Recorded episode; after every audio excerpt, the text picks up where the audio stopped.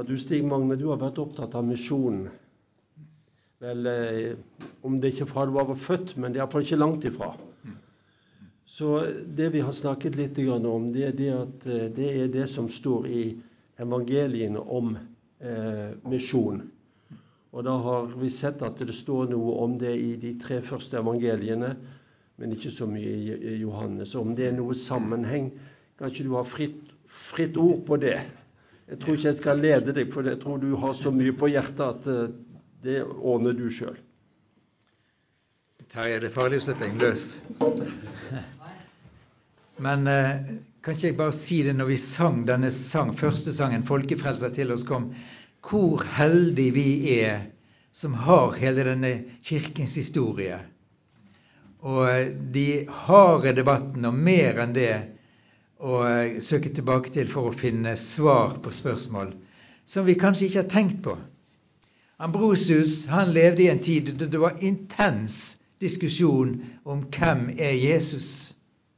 Og vi har striden Atanasius-Arius, som jo gikk på livet løs for de som trodde Bibelens ord om Jesus som sann Gud og sant menneske. Kristne Alexandria kunne ikke gå på markedsplassen uten å lide kanskje noen martyrdøden, fordi de trodde på Jesus som sann Gud. Og Den arianske læren den finner vi igjen i, i Jehovas vitners lære i dag. Athanasius Atanasius sto frimodig opp mot det, og Ambrosius i Milan skriver da denne, denne fantastiske inkarnasjonssalmen. Så det vi holder på med i bibelundervisning, tenker jeg er så ufattelig viktig og så vet vi hvor lett det er å bli forført hvis det kommer noen sterke strømninger. Så vi må være forberedt. Og så var det spørsmålet ditt, Terje. Det var du. ja, du, de tre synoptiske evangeliene har jo da hver sine gjengivelser av misjonsbefalingen. Matteusevangeliet, hvis vi tar sammenhengen, det står 'da trådte Jesus fram'. Og jeg tenker da peker jo tilbake på noe og det peker tilbake på det soningsverket som Jesus har gjort for oss. Og det er så ufattelig viktig at det ligger der i bunnen. Vi vet, disiplene visste nå hva det var de hadde å gå med og forkynne. Jesus, hans liv, hans eh, død på korset til frelse for alle menneskers synder, hans oppstandelse til evig liv. For et budskap de hadde å gå med. Da trådte Jesus fram og talte til dem og sa, 'Meg er gitt all makt i himmel og på jord'. Ja, de skulle bli vitne til hans himmelfart. Først, første stadiet i dette, hans opphøyelse etter hans fornedrelse, det er oppstandelsen. Den andre, det andre fasen, det er jo hans himmelfart. Og den tredje fasen, som da åpenbaringsboken f.eks. vitner om, det er hans intronisasjon, som vi sier. Han setter seg på tronen. Han har all makt i himmel og på jord. Og så kan han si, fordi han er den han er, gå ut i hele verden og forkynn evangeliet. Og han sier til, han sier til verdens ende. Og det, det, budskapet der om 'til verdens ende' har, eh, har fulgt meg, som du, som du sier i, jeg, Kanskje jeg ble mer opptatt av misjon før jeg begynte å bli opptatt av de teologiske spørsmålene. Men det har fulgt meg, altså. Jeg, jeg irriterer av og til eh, mange mennesker fordi jeg er opptatt, så opptatt av, av dette. Vi må ut med evangeliet til de som ikke har hørt rundt om i verden. Så det er Matteus, og så kort om Markus. Markusevangeliet er på mange måter bygd opp omkring undergjerninger, helbredelses, helbredelse som Jesus utførte og Derfor tenker jeg òg at det er naturlig at i misjonsbefalingen som er gjengitt i Markusevangeliet, den, eh, den snakker om disse tegn som skal følge den som tror, som en del av eh, vårt eh, vitnesbyrd om Jesus. Se han i virksomhet iblant mennesker, og gjør de gjerningene. Vi har noen, hatt noen utsendinger i Burundi nå. ikke sant? Øyvind Hansen som skriver hjem og forteller om de mange helbredelsene og jeg har vært vitne til også åndsutdrivelser som fører hundrevis av mennesker til tro på Jesus, fordi de ser med store øyne hva, hva Jesus gjør, hva makt Jesus har. Og vi kjenner dette enormt sterkt fra misjonshistorien. Og så Lukas. Han ser jo ut til spesielt å være opptatt av dette med kraften. Så vi har både i Lukas kapittel 24 med misjonsbefalingen og i Apostelens gjerninger, kapittel 1, der Jesus sier 'og dere skal få kraft' idet Den hellige ånd kommer over dere. Og så er det det vi ser gjennom Apostelens gjerninger.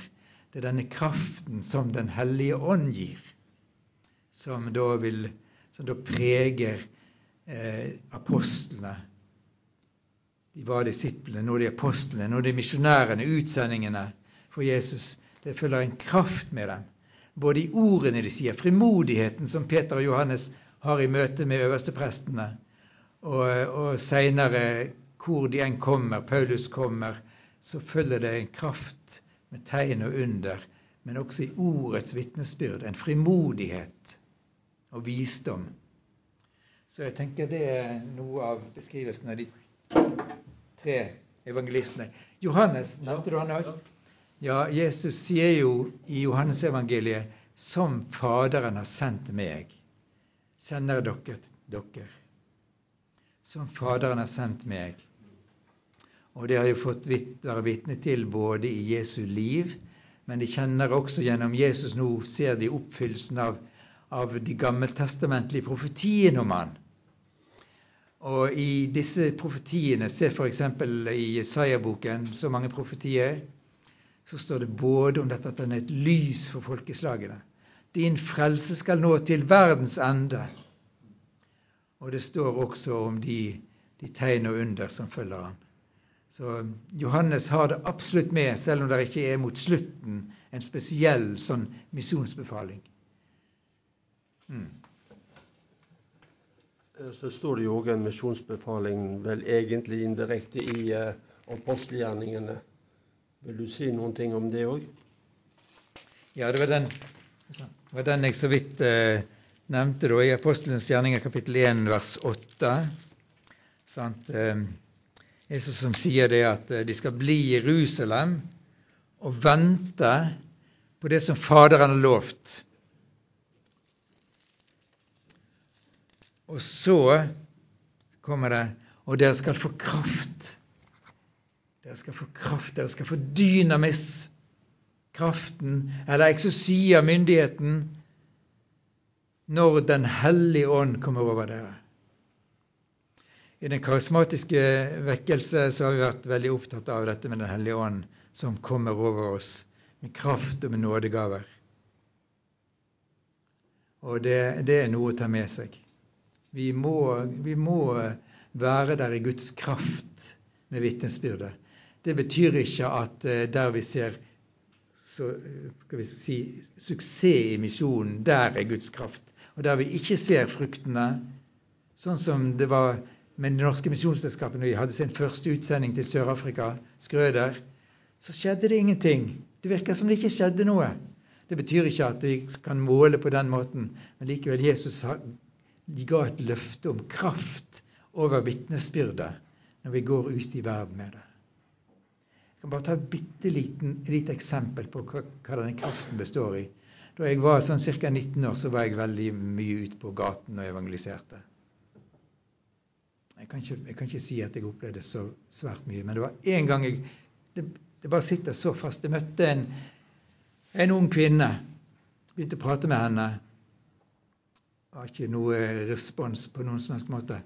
Og så siterte jeg Johannes 3, 16. Jeg vet ikke om hun kunne noe av det fra før, men det var bare som en pil som gikk, gikk rett inn. Så vår kraft ligger ikke i oss, men det ligger i Jesus, og det ligger i Guds ord. Der er kraften. Og så får vi bruke de nådegavene som Gud har gitt oss i det å dele vitnesbyrdet med andre. Men i dette Lukas-ordet i Apostlenes gjerninger så sier jo Jesus det skal være mine vitner. Og ordet vitne på gresk det er jo martus. Dere skal være mine martyrer. Eh, ikke nødvendigvis blodmartyrer, men iallfall vitner. Først i Jerusalem, og der ser vi hva som skjedde. Det var, det var motstand fra første øyeblikk, og vi fikk den første kirkens martyrer, Stefanus. Men det var vitnesbyrdet deres om Jesus i Jerusalem, i Judea Han sier hele Judea. I Samaria, hos disse som de fleste jøder regner som uh, utenfor. De hadde skulle ikke ha del i dette budskapet. Vi møter det igjen, møter det igjen senere i Apostelens gjerninger òg, at det var skulle de ha det. Og i Jesu egen tjeneste. Og så sier han og helt til jordens ender. Det er ennå unådde folk i verden som må få høre evangeliet. Men takk og pris for Lausanne-bevegelsen i 1974, Lausanne-pakten. Det er så sterkt å tenke på. For hvis du tar kartet fra Lausanne-pakten fra 1974 og så legger du What's List for åpne dører, altså forfølgelseskartet, oppå der igjen, så ser du at det er akkurat samme områdene som en ber for at Guds rike må få gjennomslag, der en evangeliserer, det er akkurat de samme områdene hvor følelsen av kristne er aller sterkest. I dette 10-40-vinduet. 10, mellom 10 og 40 grader nord. Og tar du et tredje kart og legger oppå hvor du finner de største vekkelsene i vår tid. Midtøsten, Algerie, Nord-Afrika, Iran, Afghanistan, østover Kina, Nepal, India De største vekkelsene i vår tid finner sted i akkurat det samme området. Det er utrolig interessant. Vi har bedt nå i hvor mange år blir det? snart 50 år for akkurat dette området. Så får vi se hva Gud gjør. Og så har det vært noen mennesker som også har vært lydige til Gud og sagt vi må gå til de som ikke har hørt evangeliet før. Vi er litt lenger nord enn 1040-vinduet. Men det gjelder også her hos oss. Vi har alle disse kjære landsmennene rundt oss som må få lov til å få høre evangeliet. Nede i bakken her, eller oppi bakken her, eller naboene våre. Så det må vi, det må vi be om. altså Når vi begynner å be, så bare åpner Gud dører, og vår kjærlighet vokser. Eh, når du er inne på vår tid Du har jo skrevet en del bøker om dette, og du har satt deg godt inn i det. Er det noe du vil dele med oss om det? Hadde jeg vært med mine fulle fem i dag, så, men dere vet litt om situasjonen, så, så hadde jeg kanskje tatt med den boka jeg sist skrev om Somalia. For meg er det kanskje en av de mest forunderlige vekkelsene. Um, og uh, det er utrolig å se hva Gud gjør. Det er både en, en vekkelse ut fra, et, ut fra, et, land der en har i generasjoner Ja, fra islam kom nesten regnet med at det var 99,9% muslimer. Og der det var et mantra og kanskje en myte at uh, å være en somalier, det var å være muslim. Jeg kan ikke helt si hvorfor eh, det skjer ting i vår tid som, som det gjør nå, men, men det, er så, det er ganske så sterkt. Og det er ikke bare det at det blir kristne somaliere rundt om alle steder. Altså I Somalia er det jo fatwaer som sier at hvis dere finner noen som søker kristen tro, eller vender seg bort fra islam og blir kristne, så drep dem. Og vi vet hvor mange nedslaktinger det har vært på, på markedsplasser rundt om i Somalia av Al Shabaab eller alt som Al Shabaab har stått bak, av mennesker som de har mistenkt for å være kristne. Jeg har vært veldig tett innpå det i Kenya, tett opp til grensen til Somalia også, der kanskje kunne blitt Ja, ja, jeg vet ikke. Men iallfall eh, Midt i dette så er det kristne som har vært så frimodige å gå til Somalia med evangeliet. Og så har jeg kontakt med folk inne i Somalia som og skjuler at de søker Jesus. Men takk og lov for alle de ja, mobiltelefoner som er rundt om, og måter å søke kristen kunnskap på og få kontakt med folk utenfor. Og så er det masse flyktninger fra Somalia rundt om i verden. Og det er 6, over 60 000 i Norge, sannsynligvis. Og også mange i Bergen fra Somalia. Som eh, Noen er harde og lukket, og de er fryktelig redde, mange. Veldig redde. Vi vet om sju kristne somaliere i Norge. Det er helt sikkert flere. Og et av de siste vitnesbyrdene jeg hørte fra vår egen by, Det var om to iranere som var ute på gaten og evangeliserte. To ganske nye kristne iranere.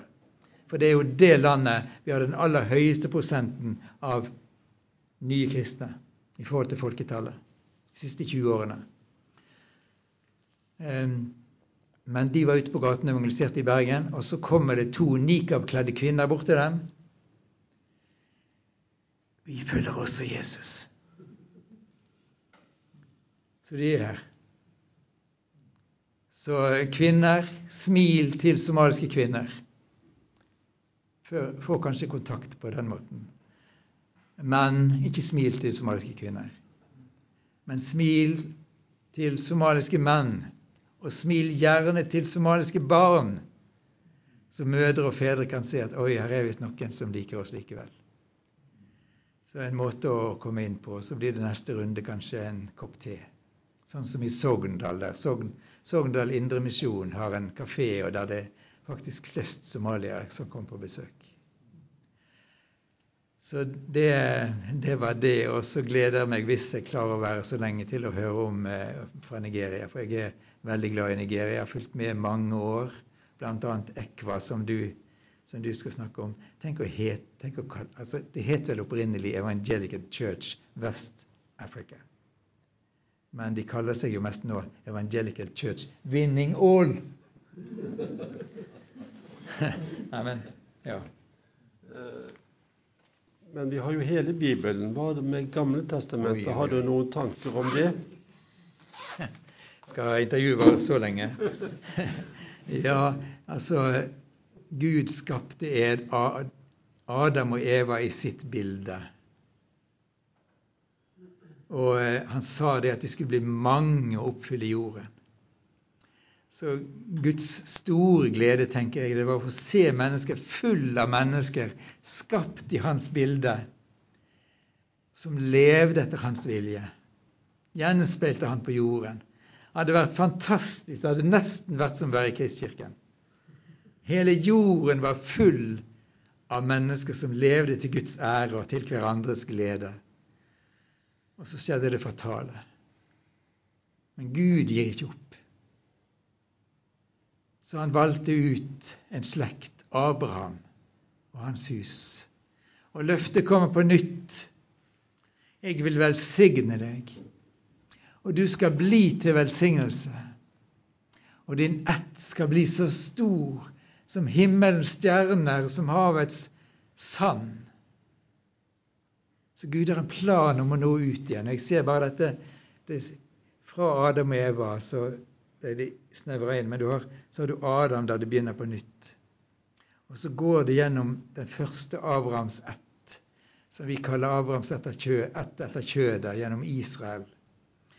Og Gud har en plan med Israel, og planen med Israel er ikke bare med Israel, men at Israel skal være et demonstrasjonsfolk på Guds nåde, og gjennom Israel skal Messias komme og så skal evangeliet igjen spre seg ut til alle mennesker i en enhet mellom det jødiske folk og hedningefolk som Guds folk. Og så, når alle folkeslag har fått høre evangeliet, så skal enden komme. Og eh, dette, ja, I Det gamle testamentet du har alle disse Jesaja-profetiene som jeg har sagt. De er så fantastiske å lese. Eh, til og med den siste av disse, Jesaja 53, så står det om Jesus, eller Herrens tjener etter oppstandelsen. Han skal se lys og mettes. Han skal mettes ved at mennesket mennesker venner seg til ham.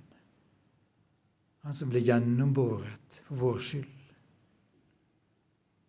Men alle disse Jesajas-tekstene fra kapittel 42 og utover, de, de vitner om dette evangeliet skal nå ut til alle folkeslag. Det er blitt forskjellige ord på hebraisk. Torah, mishpat forskjellig. Lære, lov. Men jeg tror vi kan oppsummere det i evangeliet. Guds lære. Guds frelsesplan skal nå ut til alle mennesker. Og Det er det vi møter igjen i Johannes' åpenbaring når Johannes får se. Det må ha vært enormt. for den stakkars Johannes som var der aleine som kristen, kanskje, i gruvehulen, døds, dødshulen på Patmos, og få lov til å se inn i evigheten. Og se en skare av alle folkeslag, av alle nasjoner, av alle stammer og tungemål. For Guds og lammets trone. Jeg er ikke aleine. Så nå venter vi med stor forventning og glede på det som skal oppfylles. Eh, takk for det. Eh, jeg har lyst til å si en liten kommentar om Gammeltestamentet som slo meg her. Ut ifra den forutsetningen der så var den største evangelisten i gåseøynene den tiden var egentlig Jonah. Han reiste og fikk omvendt hele byen til fienden fra israelsfolket. Men så slo det meg at han som var spesielt for han, var det at han var i, i eh, hvalens buk en viss tid. Og så sikkert fæl ut når han kom ut, for han hadde ikke skifte med seg. Han hadde ikke nye klær. Han lukta sikkert og så fæl ut. Og så går han inn i Nineve, og så går han rundt som en stinkbombe, tenker jeg. Så du spør ja, hvorfor er du, lukter du sånn, hvorfor ser du sånn ut? Så forteller han den historien. Og det tror jeg kan være med å underbygge at de vendet om. Fordi i de andre 13, eh, eller de 13 eh, småprofetene så er det jo Gud sender jo folket. Det var jo ingen av de som hadde lykke med seg, egentlig, bortsett fra Jonah. Mm. Men jeg sier tusen takk, eh, Stig Magne. Vi gjorde det sånn nå. Og ja. vi skal huske på deg, for du har ikke så veldig lett tid akkurat nå. Du og familien din. Så Stig Magne går kanskje om en liten stund. Velsign dere. Amen.